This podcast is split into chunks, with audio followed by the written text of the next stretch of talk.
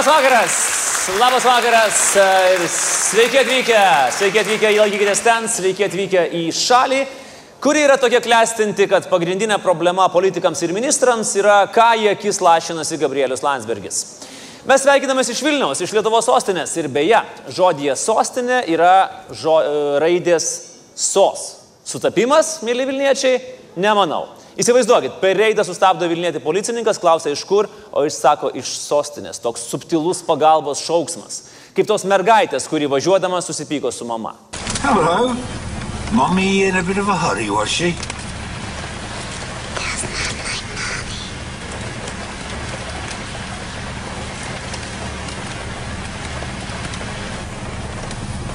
Step out of the car, madam! Step out of the vehicle now! Panašu, kad pastaruoju metu ne vienam Vilniečiai, matant, kas vyksta Vilniuje, norisi užrašyti ant sąsiuvinio lapo help, tačiau pripažinkime pastaruoju metu ne kažką būti ne tik Vilniečių, bet ir gandru. Oficialiame Valstiečių ir Žaliųjų sąjungos interneto puslapyje yra apklausa, kas jums yra gandras. Apklausa vykdoma jau penkerius metus. Balsavo apie 2,5 tūkstančio žmonių, o absoliučia balsų dauguma pirmauja atsakymas man nepatinka gandrai. Bet Ramūnas Karbauskis vis tiek įrodytų, kad apklausų duomenimis gandras yra geriausias paukštis, nes kitų apklausoje tiesiog nėra. Ramūnas viską gali įrodyti. Netgi tai, kad jis neturi nieko bendro su laikraščiu Naisių žemė ir jį leidžia Naisių bendruomenė. Aha, tikrai, bendruomenė. Kaip pastebėjo KTU dekanas Ainius Lašas, laikraščio redaktorė ir visų straipsnių autorė yra Živilė Vištartaitė. Tuo pačiu metu ir Karbauskio pavaduotoja Valstiečių ir Žaliųjų sąjungoje. Interviu dalyje Rima Baškienė, o nuotraukos yra naudojamos iš paties Karbauskio ir Pranskiečio dukros asmeninių archyvų. Tai jo, bendruomenė. Ir šiaip tikrojo valstiečių laikraščio varpo iškėlus redkolegija prašė perduoti, kad Naisių žemė yra plagiatoriai, o ištikimi skaitytojai jau netrukus sulauks antrojo laikraščio numerio ir plėš jį iš rankų vieni kitiems. Tai tik perdodu, nes neturiu su tuo laikraščiu absoliučiai nieko bendro. Savaitės pradžioje Ramūnas įrodė, kad Aurelijus Veryga yra geriausias ministras šioje vyriausybėje. Na, štai mūsų rubrika yra kam patinka. Neseniai atliktos visuomenės apklausos duomenys parodė, kad Veryga yra laikomas blogiausiai dirbančių ministrų, bet Ramūnas mums visiems įrodo, kad yra kam patinka. Čia yra trys variantai. Karbauskis labai subtiliai trolina, nes kaip mes žinom, jo humoro jausmas yra labai labai subtilus. Jūs esate kultūros komiteto pirmininkas. Taip. Galima tris klausimus tokie kaip Bandyk. e, trivija apie kultūrą. Kas parašė Faustą? Gėtė ar Šileris? Čia dabar. Ne, aš, atleiskit, aš lygiai taip pat, kaip, kai manęs prašo arti ar kieti ir taip toliau, aš suprantu, kad galima pereiti tokius klausimus, aš atsakyti galiu, bet aš neatsakinėsiu šitą klausimą. Antras variantas. Ramūnas bando įsiteikti verygai, nes žino, jog kada nors vis tiek prireiks receptinių vaistų. Trečias variantas. Ramūnas tikrai galvoja, kad veryga yra geriausias ministras, bet čia realiai yra tas pats antras variantas, nes tada tikrai Ramūnui reikia receptinių vaistų. Žinoma, yra kam nepatinka. Štai kandidatas į prezidentus Valentinas Mazuronis štai tokių gifų išreiškė nepritarimą ministro darbams. Na, Valentiną iš tikrųjų reikia kviesti į tikrųjų interneto influencerių konferencijas. Šiaip sveikintina, iš tikrųjų sveikintina, kad ir garbaus amžiaus politikai dar pajuda ir įsimeta vieną kitą gifą, kad jaunimui patiktų. Bet labai panašu, kad su gifu buvo ir spalvotų tabletyčių įsimesta truputėlį, nes toks šedevras prašosi dar kartą būti pažiūrėtas su muzika, kurią pasiūlė Dovydas Karolskis. Teraz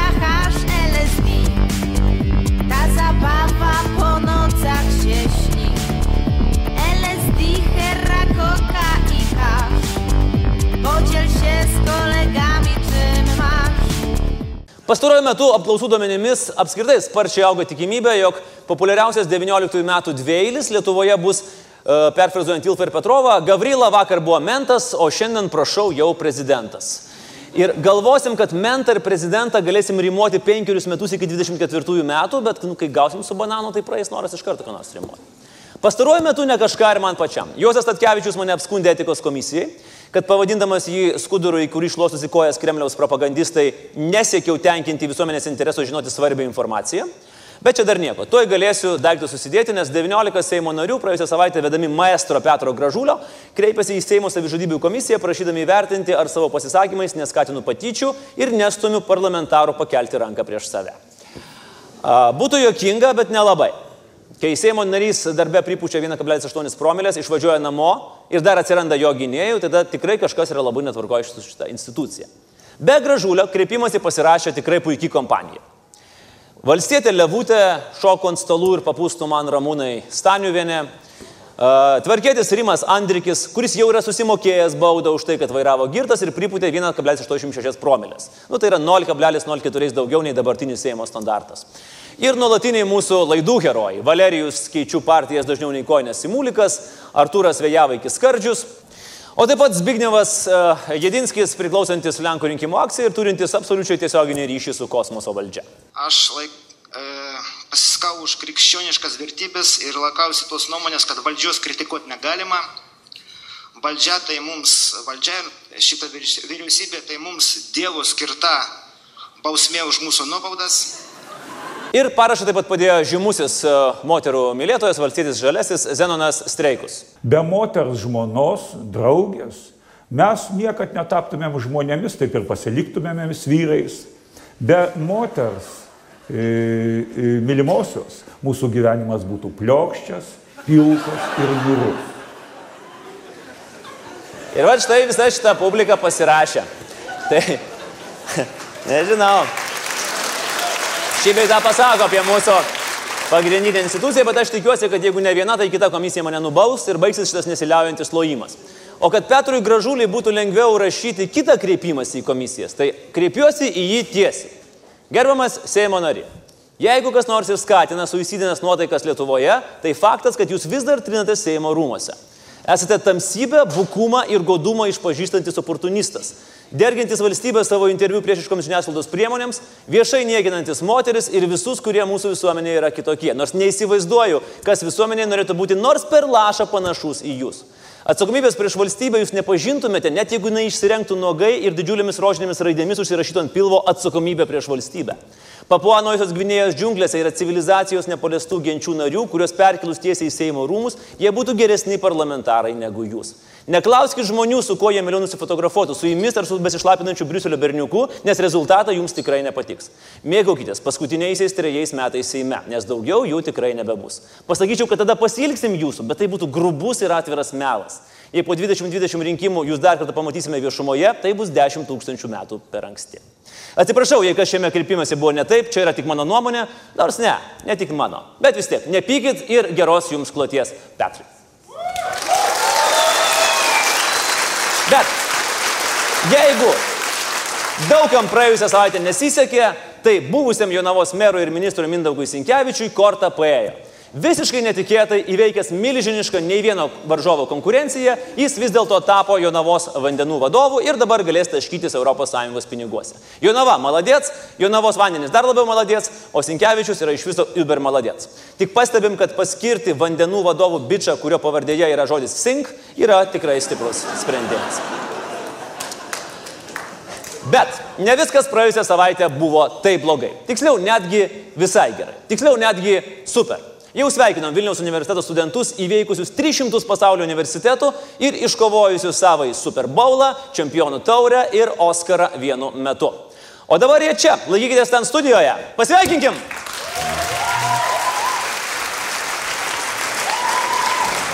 Sveiki, sveiki, sveiki, sveiki.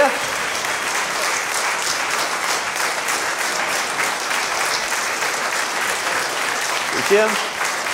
O, kiek jūsų čia daug. Stokit aplink stalą, mes su grupės vadovas. Gabrielis. Sveiki. Gabrieliu, va čia mes įsitaisykim ant stalo patogiai, studentiškai ant krašto. Man irgi prisėsti gerai. Prisėskim ant stalo. Va, štai puikiai jūsų komanda. Gerai, kad turiu. Uh, Gabrieliau, uh, labai trumpai, labai greitai. Uh, kokie buvo jausmai, kai supratot, kad iškovojot vos ne viską, ką galima iškovot? Ir Harvardas, Oksfordas, dar N variantų universitetų liko už nugaros. Jausmas buvo nerealus. Man atrodo, iki dabar mes dar ne visi supratom, ką padarėm. Aš asmeniškai pergalę pradėjau vertinti galbūt sekmadienį, tik tais tai beveik po Taip, savaitės. Taip šventėt stipriai. Nu, Mes iš tikrųjų gana daug dirbam po pergalės, o, o paskui, nežinau, tam reikia laiko, nes mes iš mažos šalies, iš, iš saliginai nedėlio universiteto įveikėm 300 komandų, mūsų pavadinimas degė ekrane prieš 5000 dalyvių, prieš 100 teisėjų, ne tik iš Amerikos, o iš viso pasaulio, tai reiškia, kad visam pasauliu patiko mūsų projektas. Tai, tai buvo labai daug ir emociškai buvo, na, mes buvom pakilėti, sakyčiau. Bet dar turbūt e, jūsų pavadinimas degė ir prieš ne vieną dešimtį biotecho kompanijų, kurios ten turbūt tikrai atvažiuoja paieškoti savo didžiųjų talentų jaunųjų. E, Tikrai taip. E, Sinbio Beta, didžiausia sintetinės biologijos kompanija pasaulyje, sukasi ir vadovas mus pasveikino. Vadovas įteikė vizitinę kortelę ir pasakė, jeigu bus Šiaurės Europoje, tai norėtų aplankyti mūsų universitetą ir mus. Buvom pastebėti ir, ir dėl to labai džiaugiamės. Kaip va, štai šitą studentišką pergalę mes galime transformuoti į kažkokius apčiopiamus dalykus. Ir jeigu galit paaiškinti mums visiems ne tą kalbą, kur jūs kalbate tarpusavyje, bet, nu, paprastam žmogui, tam, rinkėjai vadinamai. Ką mes padarėm, ar ne? Aš šiaip norėčiau, kad Laurinas paaiškintų, ką mes padarėm, nes, nes taip, mane vadino komandos vadovu, bet Laurinas vadovavo laboratorijai, tai jis, jis turėtų pakalbėti apie tai, ką mes Prašau. padarėm. Mhm. Taigi mes sukūrėme naują metodą kontroliuoti DNR kiekį lastelėje. Ir tai buvo labai svarbu todėl, kad e, kuo toliau tos sintetinė biologija reikia kurti didesnės sistemas ir mes norime, kad organizmai darytų įvairias funkcijas, pavyzdžiui, taptų žali ir šviestų, kai aptinka kokį nors toksiną. Tai todėl mums labai reikėjo tokio griežto DNR kontroliavimo, kad mes turėtume DNR tiek, kiek mums reikia, nes tai padėtų biotehnologijos kompanijom tiesiog patogiau dirbti. Ir būtent todėl tai yra labai patraukli vieta investicijai ir todėl biotehnologijos kompanijos, kaip jau kalbėjau su mumis, norėtų prisidėti prie viso šito vystimo ir padėti mums užbaigti visą šitą projektą iki galo. Gerai, paskutinis klausimas e, ir Gabrieliui. Man net- netgi beveik supratau. Tai jau gerai. Uh, Gabrielio, paskutinis klausimas jums ir visai, koma- visai komandai. Uh, kokia tikimybė, kad uh, savo talentus jūs uh, po studijų ir vėliau ar postgraduate išnešite į Vakarų Europą, Junktinės valstijas, į Aziją? Ar uh, jos liks ir gabumai, ir talentai, ir sugebėjimai liks čia? Tikiuosi ir manau, kad mes būsim migruojantis, bet ne migruojantis paukščiai. Mes, kai buvom Amerikoje, irgi susipažinom su keletu lietuvių dirbančių Harvarde, ar ne? Ir e, mūsų kai kurių laboratorijų vadovai yra pasisėmę labai daug patirties ir yra parvežę į Lietuvą. Tai yra užsienio mokslinė patirtis, mokslinio darbo patirtis užsienyje yra neįkainojama vertybė, kurią tiesiog um, būtina bent kartą gyvenime išbandyti. Taip pritraukiamas investicijos, didžiuliai projektai ir tuo labiau savo paties developinimas patirtis į Lietuvą. Tai man atrodo, kad daugelis iš mūsų planuoja pakeliauti, patobulėti ir didžioji dalis planuoja sugrįžti. Puikus variantas. Ačiū labai, ponios ir ponai, plojimai, Vilniaus universitetas ir mūsų Ačiū. ateitis. Ačiū. Ačiū Gabrieliau, ačiū visai, visai komandai.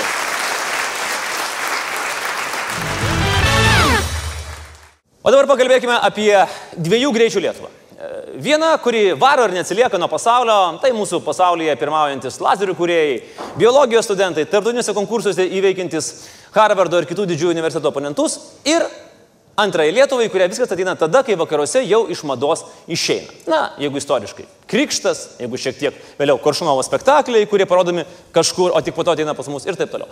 Todėl reikia tik pasidžiaugti, kad vis dažniau įjungiam aukštesnę pavarą ir su pasauliu eina koja koja. Tik nežymiai vėluodami. Na, tiek, kiek kelininkai paprastai vėluoja pasiruošdami žiemai. Reikia įrodymų? Prašau. Priekabiavimų skandalai. Harvio Weinsteino darbelius New York Times atskleidė spalio 5 dieną, lavina pasileido ir 35 dienos Lietuva jau turėjo irgi savąjį ekspozę Šarūną Bartą.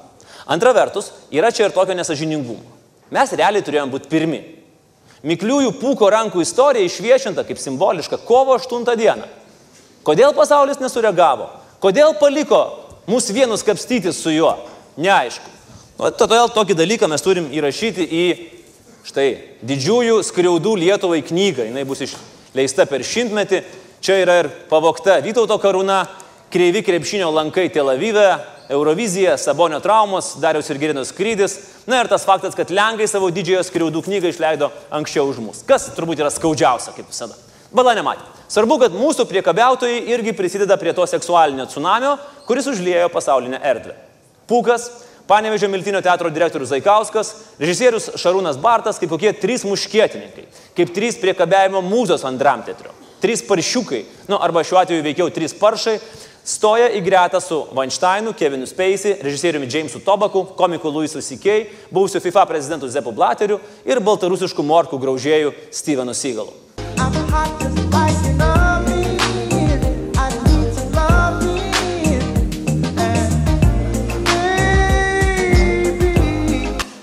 Po Weinsteino vien valstijose išviešinta daugiau kaip 30 veikėjų, kurie naudojasi savo rankomis ir kitomis kūno dalimis, taip kaip McGregoras prieš Mayweatherį. Daug judesio, mažai naudos ir visi gerą pusmetį apie tai kalba. Arba kaip šveicariškų peiliukų. Kaip tik nori, tik ne pagal paskirtį. Arba kaip Gedimino kalno. Šliaužiai artin ir niekam tai nepatinka. Negi šitas priekabiavimo reikalas yra toks naujas dalykas. Kaip reiškinys jis turbūt toks pat senas kaip ir pats seksas. Pajutęs lytinį potraukį, statistinis neandertalietis lengvų kuokos judesiu apsvaigindavo neandertalietę ir neždavosi ją į urvą tikrai ne poezijos skaityti. Tai buvo norma. Civilizacija evoliucionavo, bet kaip matome, keletas jos atstovų per kažkokį kvailą nesusipratimą liko akmens amžiuje. Žinot, čia kai vakarų pasaulyje žmogaus pasirinkimo laisvė didėja, vis tiek atsiranda valstybių, kur už žolės suktinę sudinama į kalėjimą ar siūloma drausti lyties keitimo operacijas. Ir jie nesupranta, kad laikai pasikeitė. Ir šiandien, dabar už tai būsi bartas. Ir ne tik bartas, bet ir keiktas. Ir atleistas iš darbo. Kad ir koks genialus režisierius ar video montuotojas būtų. Frazė seksualinis priekabiavimas 75 metais išpopuliarino buvusią kolegę palaikiusi Kornelio universiteto moterų grupė. Universiteto darbuotoja Karmita Wood tada kreipėsi į teismą, norėdama gauti nedarbingumo draudimą po to, kai buvo netinkamai apčiupinėta savo viršininku. Tais pats metais New York Times priekabiavimą darbę pavadino epideminiu. Jis imtas laikyti teisės saugos dėmesį pagaliau atkreipiančių reikalų, o ne vidinę smulkmeną, kurią išspręsti turėjo patys konflikto dalyviai. Nu, kaip darželėje būdavo. Susitaikykite ir pasibučiuokite. Nu, ko jau ko, bet pasibučiavimų tokiuose istorijose turbūt reikia mažiausiai. Nepamirškime, praeito amžiaus viduryje Amerikoje normaliomis buvo laikomas, kad ir tokios reklamos. Negana to, apačioje ten dar yra parašyti smulkių tekstų, but if you don't want to play our way, take off your pants and go home. Nedaug ką be pridursiu. Žengėme į naują tūkstantmetį, bet kai kuriems tai išliko norma.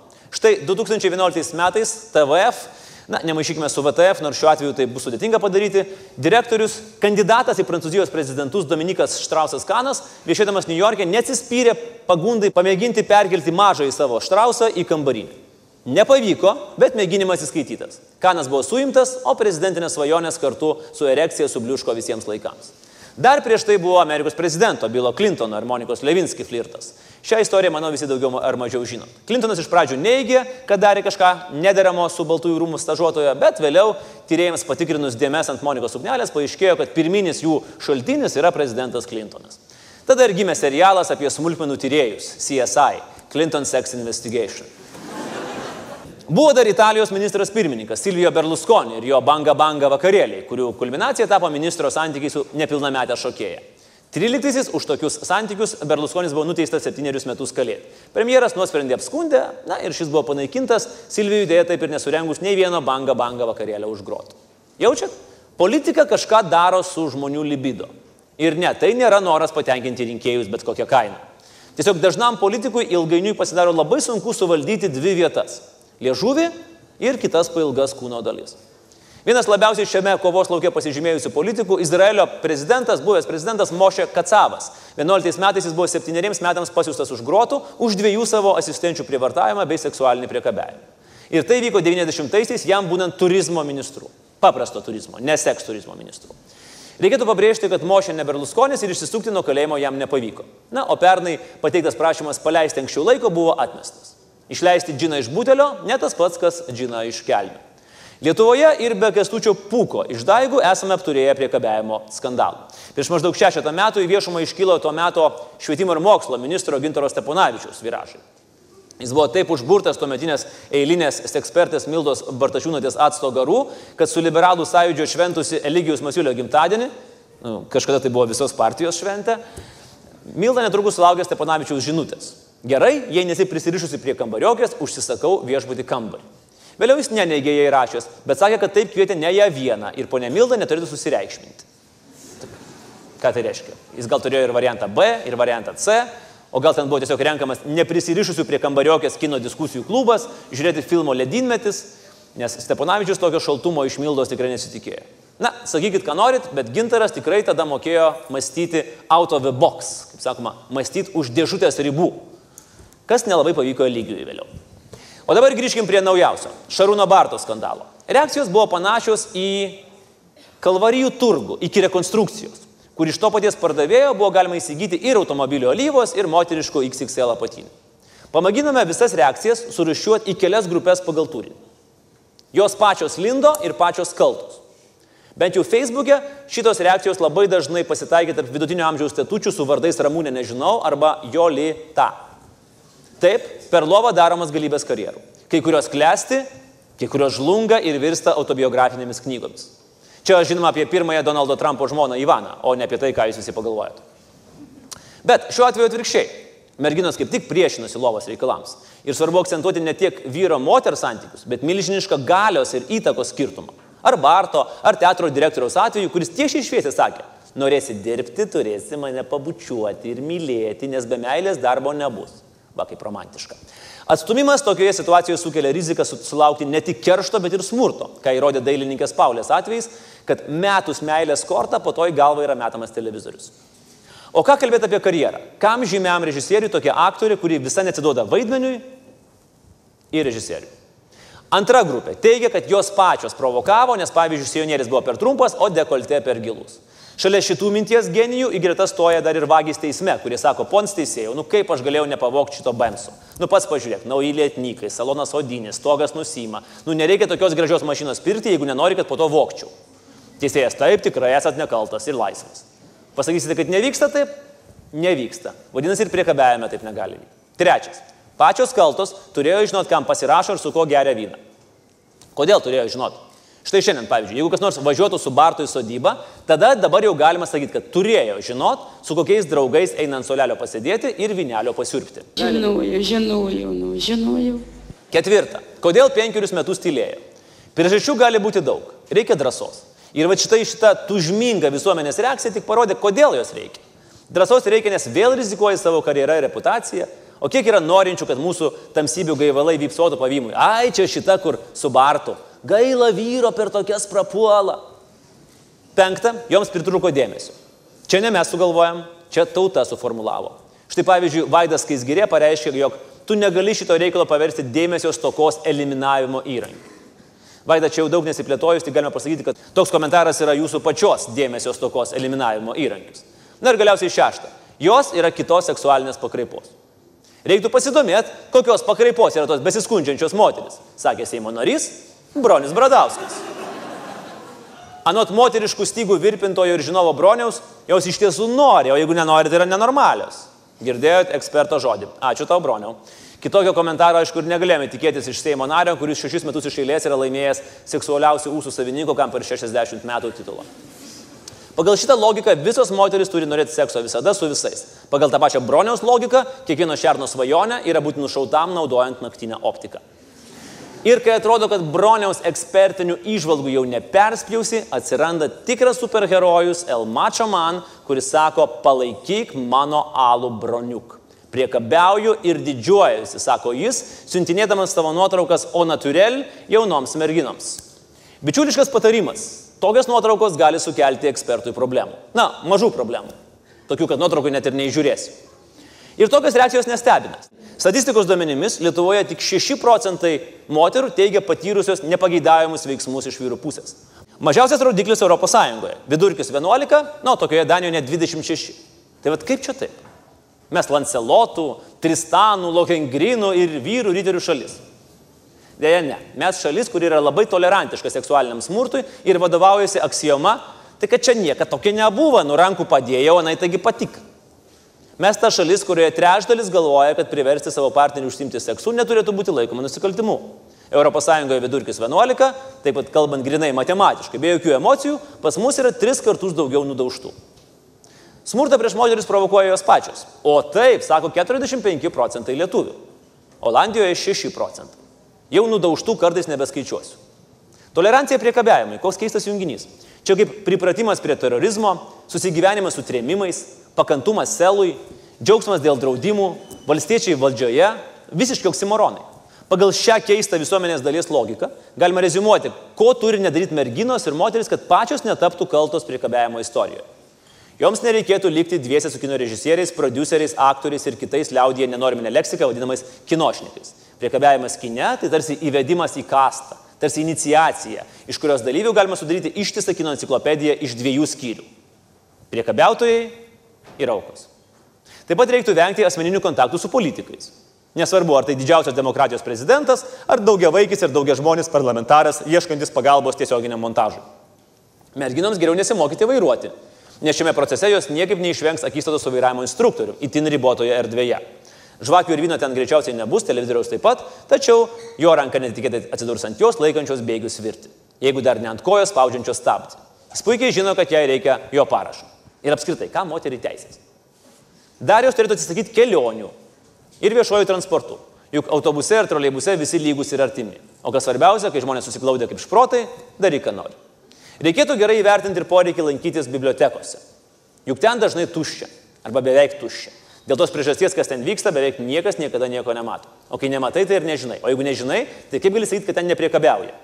Taip kad geriau eikite į bibliotekas, skaitykite knygas ir patys pamatysit, kaip ten priekabiaujama. Arba nepriekabiaujama. Žodžiu, eikite į bibliotekas. Va tą norėjau pasakyti. Arba jeigu dar trumpiau, geriausiai moteriams būtų žinot savo vietą, užsidaryti kambaryje ir niekur neiti. Ir va tada visi smerkintis tikrai būtų patenkinti. Na, dabar pabandom rimčiau. Turbūt pastaruoju laiku ne vienas ieškojame atsakymą į klausimą, kas tas seksualinis priekabiavimas, kokia jo prigimtis ir esmė. Ir turbūt raktinis žodis yra gale. Ironiška dėti nuotrauką su Kevino Speisio personažu, bet šitas seriale nuskambėjęs aforizmas viską paaiškina. Viskas pasaulyje yra dėl sekso išskyrus seksą. Seksas yra dėl galios. Režisierius turi galę rinkdamasis aktorius, darbdavys turi galę prieš darbuotoją, dėstytojas prieš studentą, treneris prieš auklėtinį. Ir galėtų būti deputatas ar laureatas, nusipelnęs ar prisikrovęs nacionalinės premijos laureatas ar daug žadantis tiek tautai, tiek moteriai priekabiaudamas, tu esi tiesiog liūribis. Nemažesnis nei tas, kuris aiškina, tai kokia jį boba, jeigu nenori. Ir kad kai tu sakai ateik čia pupytę, tau vis tiek girdisi kažkoks 19 amžiaus mauči boba, bet tuoj gausiai dantis. O pasiteisinimai, kad matai, tokia čia ta mūsų kultūra, tokie papročiai yra nepasiteisinimas, o išsisukinėjimas. Taip beje išsisukinėjo ir Štrausas Kanas, sakydamas, kad yra prancūzas, o pas prancūzus įprasta rodyti stiprų dėmesį moteriams. Tai įrodyk dėmesį, o ne rankas į trasą leisk. Ši tema seksualinis priekabiavimas yra ne tik rimta, aktuali, bet ir pavojinga. Pavojinga, kad viską paversime krūvą nevykusių juokelių apie tai, kad mokesčių inspekcija priekabiauja prie Juozo, Kleiza prie krepšinio teisėjų, o Selas prie Samo užpakalio. Svarbu pažymėti, kad šios laidos tekstą rašė vien tik tai vyrai.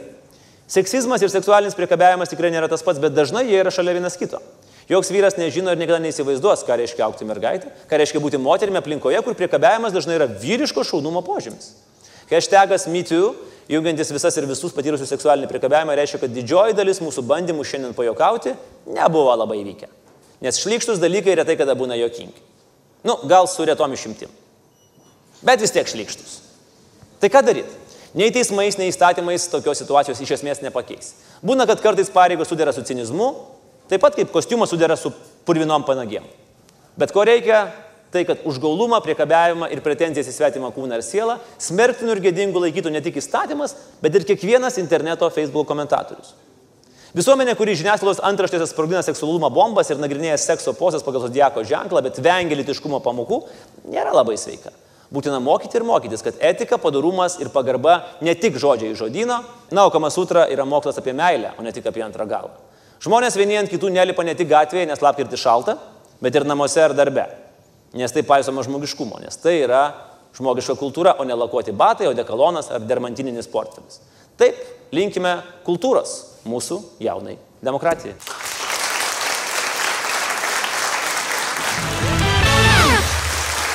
Antra mūsų laidos tema - taip pat apie priekabiavimą.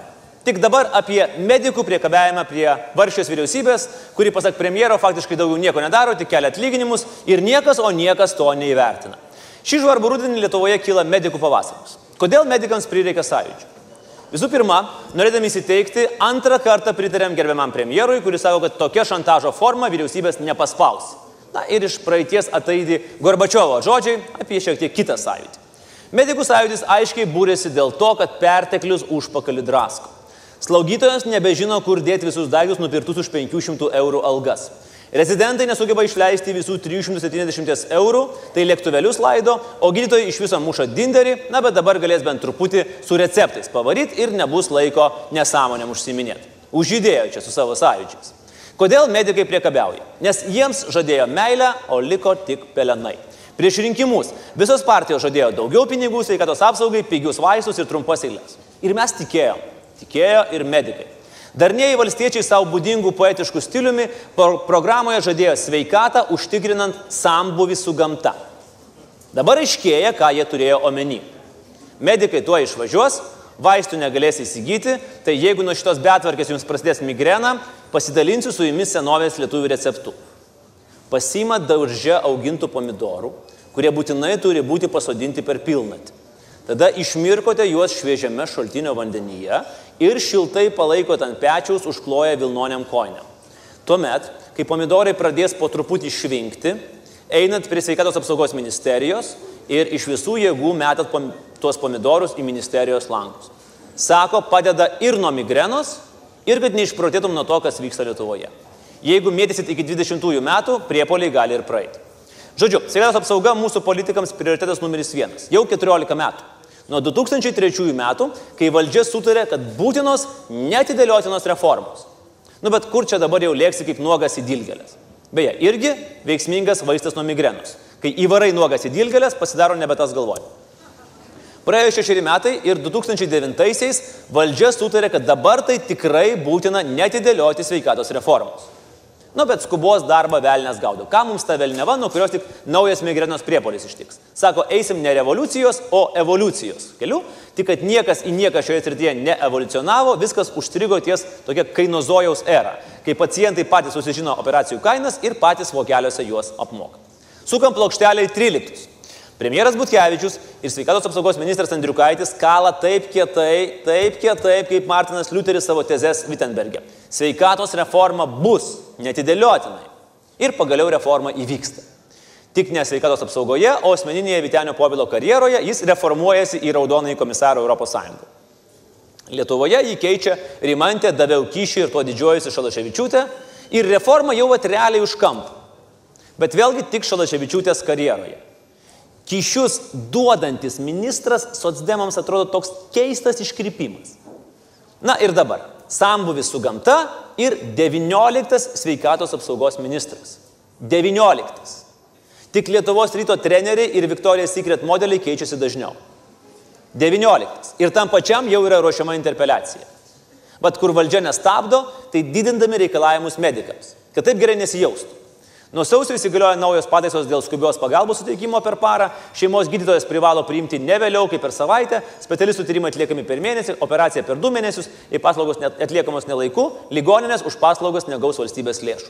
Kitas žingsnis - turbūt apendicitą kiekvienas chirurgas privalės mokėti operuoti užrištom akim ir per atstumą, cukralėgę diagnozuoti iš šlapimo kvapo, o migreną gydyti delno prilietimu prie kaktos. Toks įspūdis, kad vyriausybė vykdo testinį eksperimentą su medikams. Kaip su to žiūrkienu. Įdedi į ratą ir žiūri, kiek laiko jis bėgs, kol nugrius. Arba išlauž savo narvo groteles ir pabėgs į kitą kambarį, tada hop ant palangės, tada pro orlaidą ir į kiemą pas kaimynus. Nes ten daugiau riešutų moka už tą patį bėgiojimą rate. Bet kartais net ir žiūrkienams kantrybė trūksta ir tada atsiranda medikų sąjūdis. Kalbėtis valdžiai su jais tikrai teks. Tad ko tie premjero žodžiais šantažuotojai nori? Pinigų.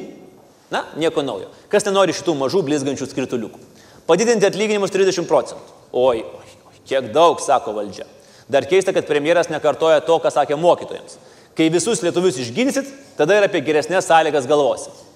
Nu teisingai, pirmą darbas, tada pinigai. Nes dabar serga visi. Net ir jauni, tokie stiprus, sveiki konservatoriai Landsbergis Sodomėnų iš vaistinių neišeina. Man keista, kad prašoma tiek mažai. Pagal medikų algas ES mes lenkiam tik rumūnus. Latvijai algas kelia 80 procentų. Ir čia iš viso nesąmonė, nes Latvijai mus gali lenkti tik ledo rytulyje ir Eurovizijoje. Visa kita yra pasityčiojimas. Kai slaugytojai gauna 500, rezidentai minimumą, o gydytojai turi varyti 3 metatais, kad mėnesio gale namo parneštų kiek daugiau nei 1000, man iš viso keista, kad mes dar turim, kas mus gydytų. Žinant, kad Olandijoje ar Norvegijoje algos kokius 10 kartų didesnės ir specialistų ten trūksta. Taip kad Ponai, kaupkim tuos šalavijus, kiečius ir vingiorykštės nuo migrenos. O mediciną studijuoti tai ne bakalauro vadyba iš nuplagijuoto vadovėlį. Studijos trunka 10 daugiau metų, o iš tikrųjų mokymasis ir tobulinimasis medikų nesustoja niekada. Sąjūdis siekia, kad būtų ribojamas maksimalus darbo krūvis ir nustatyta minimali asmens sveikatos apžiūros trukmė. Kitaip tariant, medikai nori skirti daugiau dėmesio pacientams. Nes dabar iš jų reikalaujam ne kokybės, o kiekybės. Tik svarbu priimti kuo daugiau pacientų. Vat primena sovietinius penkmečio planus. Daugiau pieno primilžio iš vienos karvės, daugiau anglių iš šachtos, daugiau priimtų pacientų iš vieno gydytojo. Kad medikai dirba ilgas valandas, čia jau daug aiškinti nereikia. Ir dažniausiai per kelias įstaigas. Ir dar būdėjimai, kai darbo laikas skaičiuojamas nebe valandomis, o paromis. Ir kai kitą kartą nueisit pas savo šeimos daktarą su savo svarbia problemėlė, nesistebėkit, kad nesulauksit labai daug empatijos, nes po jūsų daktaro dar laukia 39 sergantis, pikti, liūdni, susirūpinę, suirzę, visą dieną pralaukia pacientai, kurių problemėlė taip pat yra pati svarbiausia. Bet daktaras gali skirti pacientui 3,5 minutės, kitaip nespės visų priimti ir gaus baudą. Tokią patirtį labai gerai apibūdino vienas iš sąjūdžio lyderių, gydytojas Aranauskas. Ar jūs žinot, kad savivaldybė nustatė, kad gydytojai šeimos turi priimti pacientą per 11 minučių atrodo, per 9? Čia kas konservų fabrikas? Kaip galima žmogų ištirti, pažiūrėti, išrašyti receptus per 11 ar 10 minučių? Tai yra parodo, kur gydytojas pastatytas. Tai yra padaras, kurį reikia kontroliuoti, baust, persekiot ir dar agituoti žmonės, skūskitės ir kurkit. Mes šioje laidoje net nepradėsim kalbėti apie neveikiančią ir visiškų pinigų, laiko ir nervų siurblių tapusią e-sveikatos sistemą, kuri reikalauja atskiro dėmesio, nes jos nekeikia tik vieninteliai programuotojai, kurie gavo už jos sukūrimą 40 milijonų eurų. Kokie kiti sąjūdžio reikalavimai? Nu, iš tikrųjų baisus. Stabdyti finansinės sankcijas už netyčinės klaidas, nepadariusias žalos asmenų sveikatą. Nu, čia panašiai kaip šitos laidos scenaristai negautų mėnesio honoraro, jeigu tekste parašytų, kad su bendratim. Nes kad dirbt pas tapiną, reikia kalbos kultūrą išmanyti. Su sveikatos priežiūra susijusius teisės aktus renkti kartu su profesionalais ir skelbti viešai. Nu, įžulu, akiplėšiška. Tikrai. Argi medikai nežino, kad vien sveikatos komitete Seime yra viena anglų kalbos mokytoja ir Remigijus Žemaitaitis, kad viską prižiūri profesionalų vyriausybė. Tai gal dar pradėkim klausti mokytojų nuomonės apie tai, kaip daryti švietimo reformą, kai švietimo komitete yra Dainius Kepenis. Nesąmonės kažkokios, mes viską turim. Toliau, sudaryti sąlygas kelti gydytojams kvalifikaciją. Vėlgi, įžulumo viršūnė. Valstybei investuoti į žmonės, kurie galėtų daugiau žmonių padaryti sveikesniais ir geresnės savijautos, nesąmonė. Niekas taip nedaro. Reikia rašyti receptus Gabrieliaus Landsbergio druskos tirpalams, kad jis turėtų ką lašinti akis. Gerai, reikalavimai aiškus. O kaip vokeliai? Sąjūdžio lyderiai tikina, kad algų kelimas būtų visuomenės ženklas medikams raukti su tais vokeliais. Aš galvoju, kad e, mes e, pakeldami atlyginimus bent 30 procentų nuo 2018 m. sausio 1 dienos galėtumėm pareikalauti iš medikų bendruomenės ne tik gydytojų, bet ir slaugytojų, nes keltų atlyginimai ir gydytojams, ir slaugytojams, kad reikia baigti su korupcija sveikatos priežiūroje, baigti su vokeliais, nes visuomenė pakankamai moka mums, įrodo mums vilties ženklus, kad mes to atsisakytumėm. Na, šiek tiek šakėm ant vandens, bet kaip sakė kitas Martinas Liuteris, tas, kuris buvo kingas, I have a dream. Tobulas pasaulis be vokelio ir be saldainių su damų lygiu. Na, toks šiek tiek fantastinis pasaulis. Žinoma, ne dėl vokelių, dėl saldainių su damų lygiu. Netikiu, kad medikai kada nors turėtų valios atsisakyti tų apmusyjusių saldainių, kurios prakandės apsipili neiškios konsistencijos skyščių. Fantastinėme pasaulyje ir Hipokrato priesaika būtų kitokia. Juk medikų oponentai reikia, kad priesaikos tekste nėra sąlygos apie gerus pinigus, bet nėra sąlygos, kad ir dirbsiu netikėtinai daug už itin mažai. Galbūt sąjūdžiui reikėtų pakeisti priesaiką, kad ji atitiktų šių dienų Lietuvą. Aš 12 metų, nervus, kaulus, raumenis, žarnas ir begalę jums mirtingiesiems ne tik, kad nesuvokiamų, bet ir neištariamų organų kalės medikas prisiekiu. Amžinai šipsotis ir būti geros nuotaikos. Net jei po 64 valandų pamainos panagėse dar bus truputėlį paciento apendicito. Niekada per amžių amžius neburnoti ant valdžios. Sveikatos apsaugos ministras žino geriau. Bet kuris iš tų 19. Net ir tais atvejais, kai jis neturi mediko išsilavinimo. Net ir tada, kai jis neturi nei išsilavinimo, nei sveiko proto. Prisiekiu neskleisti erezijų dėl didesnių atlyginimų. Net jei Norvegijoje ar Niderlanduose gydytojai gauna 20 kartų daugiau. Negauna. Melas. Tokių šalių nėra. Paklausykit. Neverlands ir No Way. Prisiekiu, stropiai visiems rašyti receptus aspirinui, ibumetinui, pertusinui ir vitaminui C. Prisiekiu, kad jeigu išsiaiškinsiu pacientą vartojusi žolytės, priduosiu jį teisės saugai. Kaip sako tautos vadas, jie turi žinoti, kas jų laukia. Te padeda man sveikatos apsaugos ministras, e, vard- vardo neįrašyti, nes gali pasikeisti, ir kultūros komiteto pirmininkas. Vardą įrašyti, nes tikrai nepasikeis. Tačiau yra ne tik Hipokrato priesaikos, yra ir Hipoministro priesaika archyvose ir atradome tikrąją Aurelijus Verygos priesaiką, kurią jis davė tapdamas ministru. Aš, Markas Aurelijus, geriau žinau, kaip čia ką reikia daryti verygą. Pažadu iš visų išgalių biurokratinės taisyklės iškelti aukščiau už žmonių gerbuvį ir poreikius. Prisiekiau uždrausti ne tik alkoholį, bet ir druskos tirpalą purškimą į nosį, nes durnumo tautai ir taip turi pakakti. Atvirų tekstų visam pasauliu remdamasi savo paties tyrimais meluosiu, kad Lietuva yra labiausiai prasigėrusi valstybė paukščių tako galaktikoje. Tai nepadeda man niekas, nes aš pats geriau žinau, kaip reikia ką čia daryti. O dabar rimtai. Situacija sudėtinga. Gydytojų atlyginimai itin maži. Eilės prie jų kabinetų labai ilgos. Pasikeitus vaistų pardavimo tvarkai, eilės bus dar ilgesnės. Visuomenė senėja, o jauni medikai masiškai vyksta į užsienį. Visi pikti ir suirice. Lengvo atsakymo, ką daryti nėra. Sprendimo variantų be galo daug. Vienose šalise efektyvinamas administracinis aparatas, kitur ieškoma variantų, kaip daugiau funkcijų perkelti į elektroninę erdvę, treti ligonių reikalauja susimokėti už dalį paslaugų iš anksto, o tuomet gražina pinigus iš ligonių kasų. Dar kiti apskritai panaikina nemokamą sveikatos apsaugą. Koks sprendimas geriausias Lietuvai? Atsakyti sunku. Tiesą sakant, scenaristai tarpusavėje ginčydamėsi dėl geriausio varianto net susimušė. Ir kitą savaitę pradės su gipsu, jei apskritai sulauks eilėje pas traumatologą. Dėl to tikrai siūloma atsižvelgti į vieną iš medikų sąjūdžio pasiūlymų. Tai, kad su sveikatos apsauga susiję teisės aktai būtų rengiami konsultuojantis su jais pačiais ir kitais profesionalais.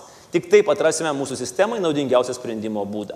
Sprendimų imtis būtina ir kuo greičiau. Ir faktas, kad sąjūdis jau išsimušinėja premjero pažadus dėl 20 procentų atlyginimo medikams kelimo nuo gegužės, rodo, kad ateina palengva, sunkiai, bet ateina pilietinės visuomenės metas. Todėl turime palaikyti ir skatinti medikų sąjūdį, nes jei nieko nedarysim, tai beliks eilėse prie ibuprofeno stovėti ir keiksnuoti tą mūsų vargšę, vargšę jauną demokratiją. Ir tai jau yra viskas mūsų laidoje. Ačiū žiūrėjusiems. Žiūrėkite ir kitas mūsų laidas YouTube, prenumeruokite mūsų, remkite Patreon sistemoje, likite su Laisvės tame, pasimatysime lygiai po savaitės. Ačiū visiems ir laikykitės ten. Iki!